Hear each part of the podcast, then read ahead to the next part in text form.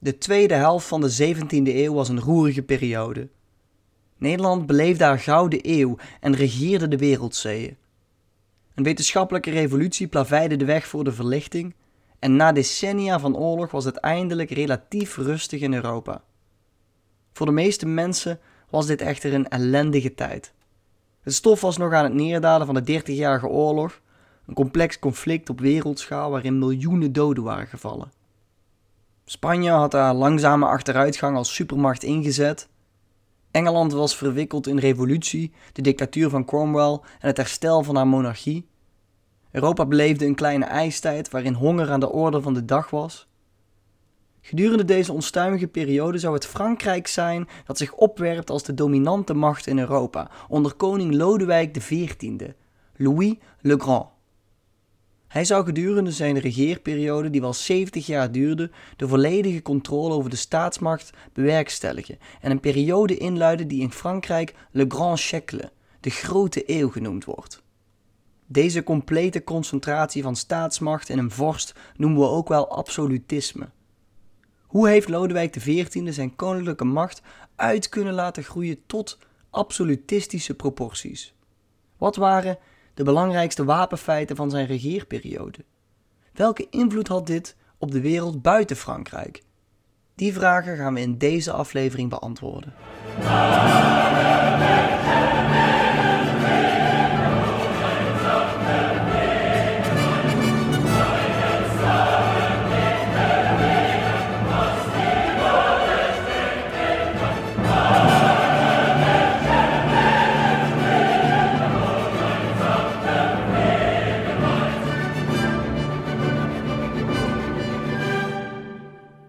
We beginnen dit verhaal in het jaar 1615. Het jaar waarin koning Lodewijk XIII van Frankrijk trouwde met Anna van Oostenrijk. De Habsburgers en Fransen waren concurrenten van elkaar. Daardoor kwam het vaak voor dat edele familieleden werden uitgewisseld voor huwelijken om de vrede te bewaren. Meestal was dat tevergeefs. Lodewijk was mede door toedoen van het overlijden van zijn vader jong koning geworden en getrouwd met Anna, hij toonde, zoals wel vaker het geval was in die tijd, weinig affectie voor zijn echtgenote uit dit gearrangeerde huwelijk. Dat betekende echter niet dat hij geen interesse had in seks. Er wordt gefluisterd dat hij veel tijd doorbracht met vooral de mannelijke leden van het hof. De roddelmachine van Parijs draaide overuren en Lodewijk XIII kreeg in de wandelgangen verschillende homofobe bijnamen. Lodewijk XIII regeerde Frankrijk van jongs af aan samen met een college van ministers, waarvan uiteindelijk kardinaal Richelieu de belangrijkste werd. Deze geestelijke zorgde er samen met de koning voor dat de Franse Calvinisten, die Hugonoten werden genoemd, onderdrukt werden. De Franse adel, die van oudsher erg verdeeld waren, werden onder toeziend oog van Richelieu en niet zelden met geweld terug in het gareel gedwongen. Het was de overtuiging van de kardinaal dat de macht bij de koning moest liggen. Ook drong Richelieu erop aan op het uitbouwen van een Frans tegenwicht tegenover de macht van de Habsburgers en de groei dus van een Frans koloniaal rijk. Hiermee werd de basis gelegd voor een Frankrijk dat, net als in de middeleeuwen, weer een dominante positie kon gaan spelen in Europa. Terwijl Richelieu in naam van Lodewijk XIII aan de weg timmerde, was er van verwekken van een troonsopvolger geen sprake. Koningin Anna bracht daarvoor te veel tijd alleen door. Dit speelde aan het hof en ook later verschillende fantasieën in de kaart. Zo werd beweerd dat de beroemde musketier D'Artagnan een behoefte van de koningin vervulde waar de koning geen interesse in had, en dat de hoofdpersoon van dit item deze dappere musketier heimelijk als vader zou moeten beschouwen. Geschiedenis wordt regelmatig geromantiseerd en als inspiratie gebruikt voor films, kunst en literatuur.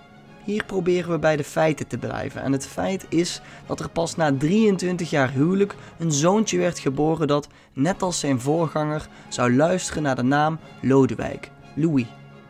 Lodewijk XIV, dauphin of kroonprins van Frankrijk. Hij werd gezien als een wondertje, vooral door zijn moeder, die eigenlijk de hoop op een nakomeling al opgegeven had. In de winter van het jaar 1642-1643 kreeg Lodewijk XIII longklachten. Na een kort ziekbed stierf de koning jong, net zoals zijn vader dat gedaan had. Kardinaal Richelieu was een half jaar eerder ook gestorven. Door het vroege overlijden van zijn vader werd Lodewijk XIV op vierjarige leeftijd al koning van Frankrijk.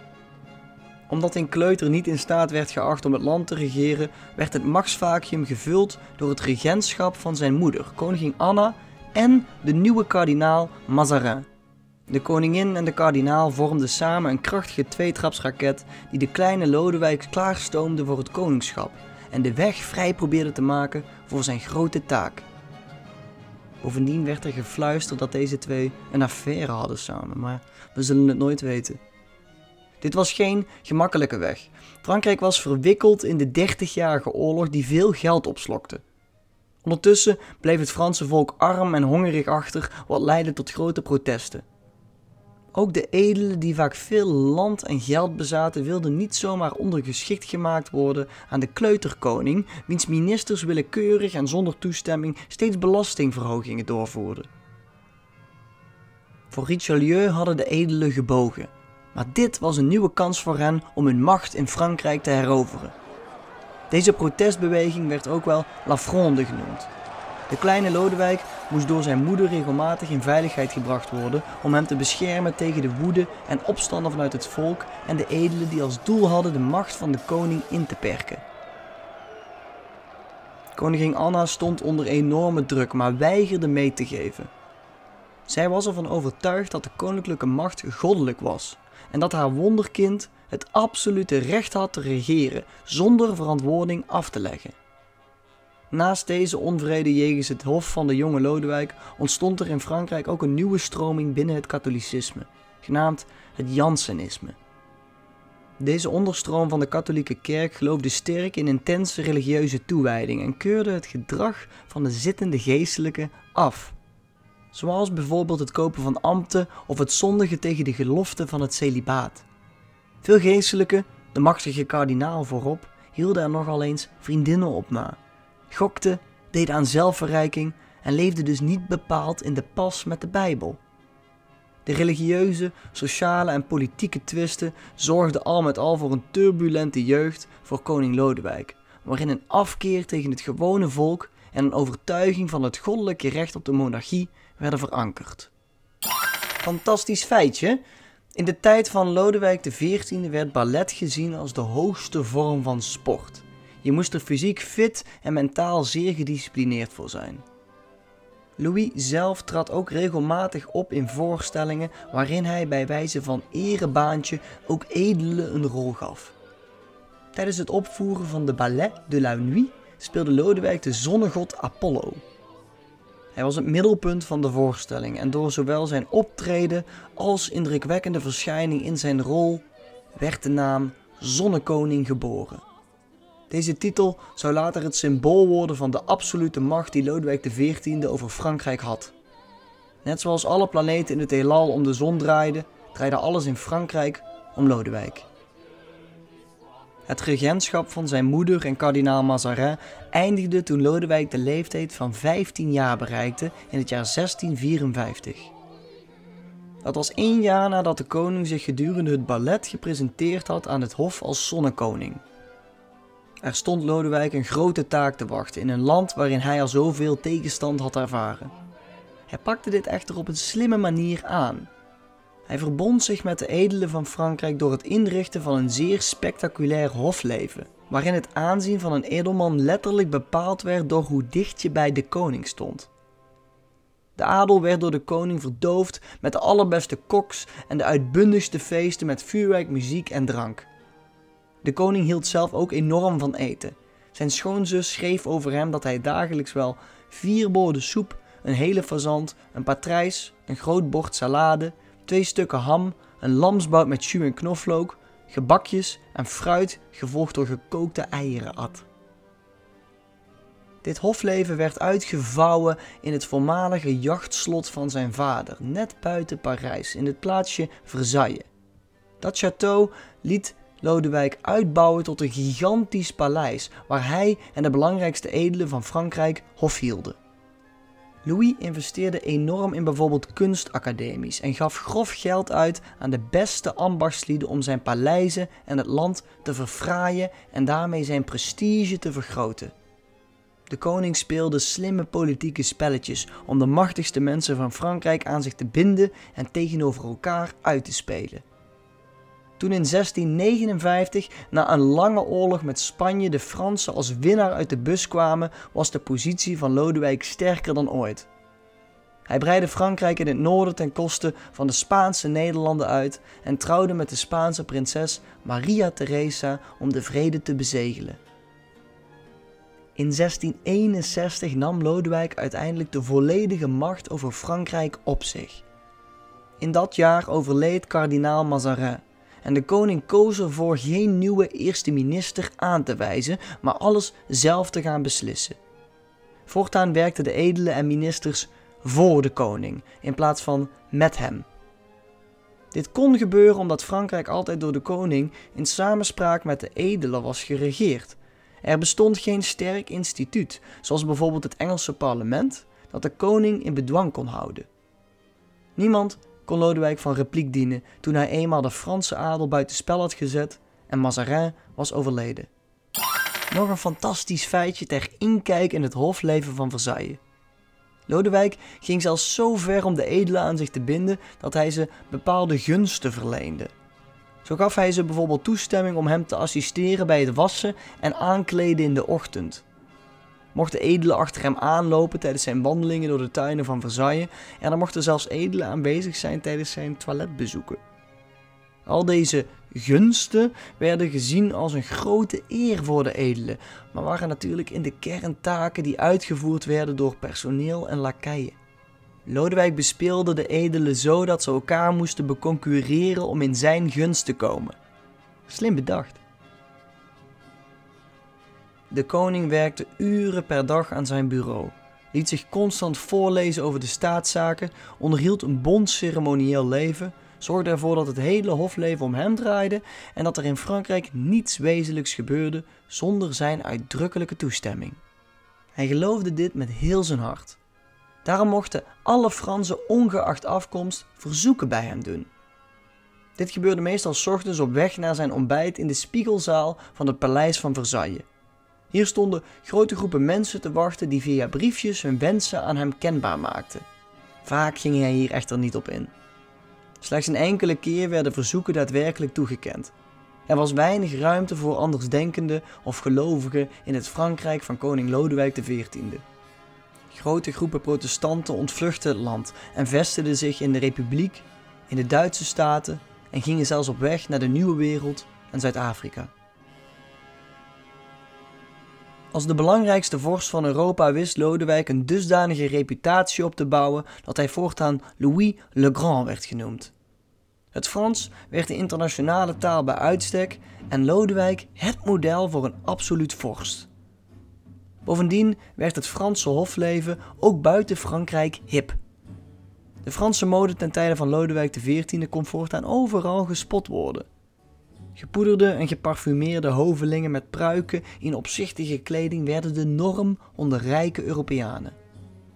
De vroegmoderne badcultuur was vooral gebaseerd op parfum en het je laten schoonwrijven door bedienden met doeken, aangezien geloofd werd dat water slecht was voor je gezondheid. Zoals je je misschien wel voor kunt stellen was dat eigenlijk niet al te fris. Die pruiken zaten bovendien meestal vol vlooien. Een toiletsysteem hadden de paleizen in deze tijd ook nog niet, dus s'avonds werden de plassen gewoon tegen de gordijnen omhoog gedaan. Er moet enorm gestonken hebben tussen al dat goud en zilver in Versailles. Natuurlijk kon Lodewijk, hoe hard hij ook werkte, niet overal toezicht op houden. Daarvoor had hij een ambtenarenapparaat dat dit voor hem deed. Een van de bekendste en belangrijkste personen uit dit gezelschap was zijn minister van Financiën Jean-Baptiste Colbert. Die toezag op het innen van de belastingen, die financiën van Lodewijks persoonlijke hofhouding, publieke werken en andere zaken. Colbert bemoeide zich ook met de economie van het land en hield zelfs toezicht op de Franse overzeese expansie. In Noord-Amerika hadden de Fransen zich bijvoorbeeld gevestigd in het gebied wat later de staat Louisiana zou gaan heten. Het Franse woord voor de naam Lodewijk is Louis dus. En ja, de staat werd dus naar de zonnekoning genoemd en heet tot de dag van vandaag nog steeds zo. Ook nu zijn daar nog mensen die Frans spreken, naast het Engels wat de landstaal is. Al deze zaken van de economie en de expansie werden zo goed door Colbert in de gaten gehouden omdat zij bijdroegen aan het plan dat hij met de Franse economie had. Namelijk het stimuleren van de groei van de industrie en de nijverheid, het importeren en produceren van zoveel mogelijk grondstoffen en het exporteren van eindproducten omdat deze een hogere waarde vertegenwoordigen. Bovendien geloofde Colbert dat alle welvaart in de wereld beperkt is. Voor de groei van het ene land moest dus een ander land leiden. Dit economische denksysteem noemt men het mercantilisme. De economische voorspoed was nodig om het dure hofleven en de regelmatig voorkomende oorlogen te blijven bekostigen. Om de luxe van Parijs te onderhouden leefden en werkten miljoenen Fransen in schrijnende omstandigheden. Door zijn huwelijk met de dochter van de Spaanse koning meende Lodewijk na het overlijden van zijn schoonvader recht te hebben op de gebieden in de Spaanse Nederlanden. De Spanjaarden waren het echter niet met Lodewijk eens en boden weerstand. Ook richtte Lodewijk zijn pijlen op het rijke Nederland. De economische dynamiek en zeemacht van de republiek waren hem een doorn in het oog. Zijn minister Colbert schreef in 1670 over Nederland het is onmogelijk dat zijn majesteit de arrogantie en onbeschaamdheid van dat land nog langer zal tolereren. Ondanks dat Frankrijk en Nederland bondgenoten waren geweest tegen Spanje, begon de zonnekoning sancties te nemen tegen de republiek. Nederland begon de dreiging van Frankrijk in te zien en sloot zelfs een bondgenootschap met haar oude imperiale vijand Spanje. Frankrijk was niet het enige land dat de republiek als doorn in het oog zag. Ook Engeland en de katholieke Duitse buurlanden Münster en Keulen wilden de Nederlanders graag van hun positie als topmogendheid beroven. In 1672 trokken de samenzweerders onder de persoonlijke leiding van Lodewijk XIV met een leger van meer dan 120.000 soldaten de republiek binnen. In eerste instantie was de inval ontzettend succesvol, totdat de Nederlanders de dijken doorstaken om de opmars van de vijandige troepen te stuiten. Meer over dit rampjaar bespreken we in een volgend item. Het lukte de zonnekoning niet om de republiek definitief te breken. Wel zorgde Lodewijk XIV met de inval van 1672 voor het einde van de Nederlandse Gouden Eeuw en een nationaal trauma. Na de inval van 1672 was Lodewijk XIV op het hoogtepunt van zijn macht. Frankrijk verkeerde in een constante staat van oorlog om de macht te verspreiden. De zonnekoning probeerde steeds via zijn vrouw ook de troon van Spanje in te palmen. Hij wist als hem dat zou lukken dat hij oppermachtig zou worden. Veel Europese landen werden daar zenuwachtig van. Pas toen in het jaar 1689 de Nederlandse stadhouder prins Willem III van Oranje ook koning van Engeland werd, keerde het tij voor Frankrijk. Willem III bouwde een grote alliantie tegen de groeiende macht van Lodewijk. Het interessante daarbij is dat Lodewijk en Willem tijdgenoten waren en beide machtige posities bekleden, maar qua karakter compleet van elkaar verschilden. Waar Willem ingetogen was en altijd de samenwerking zocht met de regenten van de Republiek en het Engelse parlement, had Lodewijk alle macht in handen en had hij een grote bombastische persoonlijkheid. Dit zorgde ervoor dat op diplomatiek vlak Willem vaak meer gedaan kreeg dan Lodewijk in het buitenland. Zo kon de stadhouder-koning van Oranje de grote Franse koning in de wielen rijden bij diens hang naar territoriale expansie. De worsteling tussen de grote alliantie en het absolutistisch Frankrijk zouden tot de dood van koning Lodewijk in 1715 duren. Tegen het einde van Lodewijks lange leven, hij werd maar liefst 76 jaar oud, wat voor die tijd zeer uitzonderlijk was, werd er openlijk getwijfeld aan het succes van het absolutisme, omdat het geleid had tot hoge belastingen, grote armoede onder de massa en veel doden als gevolg van de oorlogen. En ondanks dat het theoretisch niet zo bedoeld was, kun je het absolutisme ook zien als een vorm van tirannie, die gekenmerkt werd door sociale, economische en religieuze onderdrukking. Om het systeem te creëren werden grote sommen geld uitgegeven om de adel te onderwerpen en de bevolking te onderdrukken. Hetgeen juist een averechts effect had op de mercantilistische principes dat op deze manier van besturen enorm veel geld kostte in plaats van dat het geld opleverde. Een burgerschapsbubbel ter afsluiting. De grandeur van het absolutisme van Lodewijk XIV echoot nog steeds door in onze tijd. Zo is het paleis van Versailles nog steeds een ontzagwekkend monument aan de absolute macht van de zonnekoning. Door de status van dit paleis en de macht die het vertegenwoordigde, is het in het latere verleden regelmatig gebruikt om grote politieke evenementen te huisvesten. Zo werd de Duitse keizer er gekroond na de Frans-Duitse oorlog als ultieme vernedering van Frankrijk. Wederom werd de Spiegelzaal afgehuurd om het verdrag van Versailles te ondertekenen dat het definitieve einde van de Eerste Wereldoorlog betekende. En zelfs tegenwoordig nog wordt het paleis nog steeds gebruikt om politieke congressen, overleggen en vergaderingen plaats te laten vinden. Dat allemaal omdat één man in de vorm van dat paleis zijn status en absolute macht wilde vereeuwigen en rechtvaardigen. Een symbool van Frankrijk en Europa in haar tijd van absolutisme. Tot de volgende keer.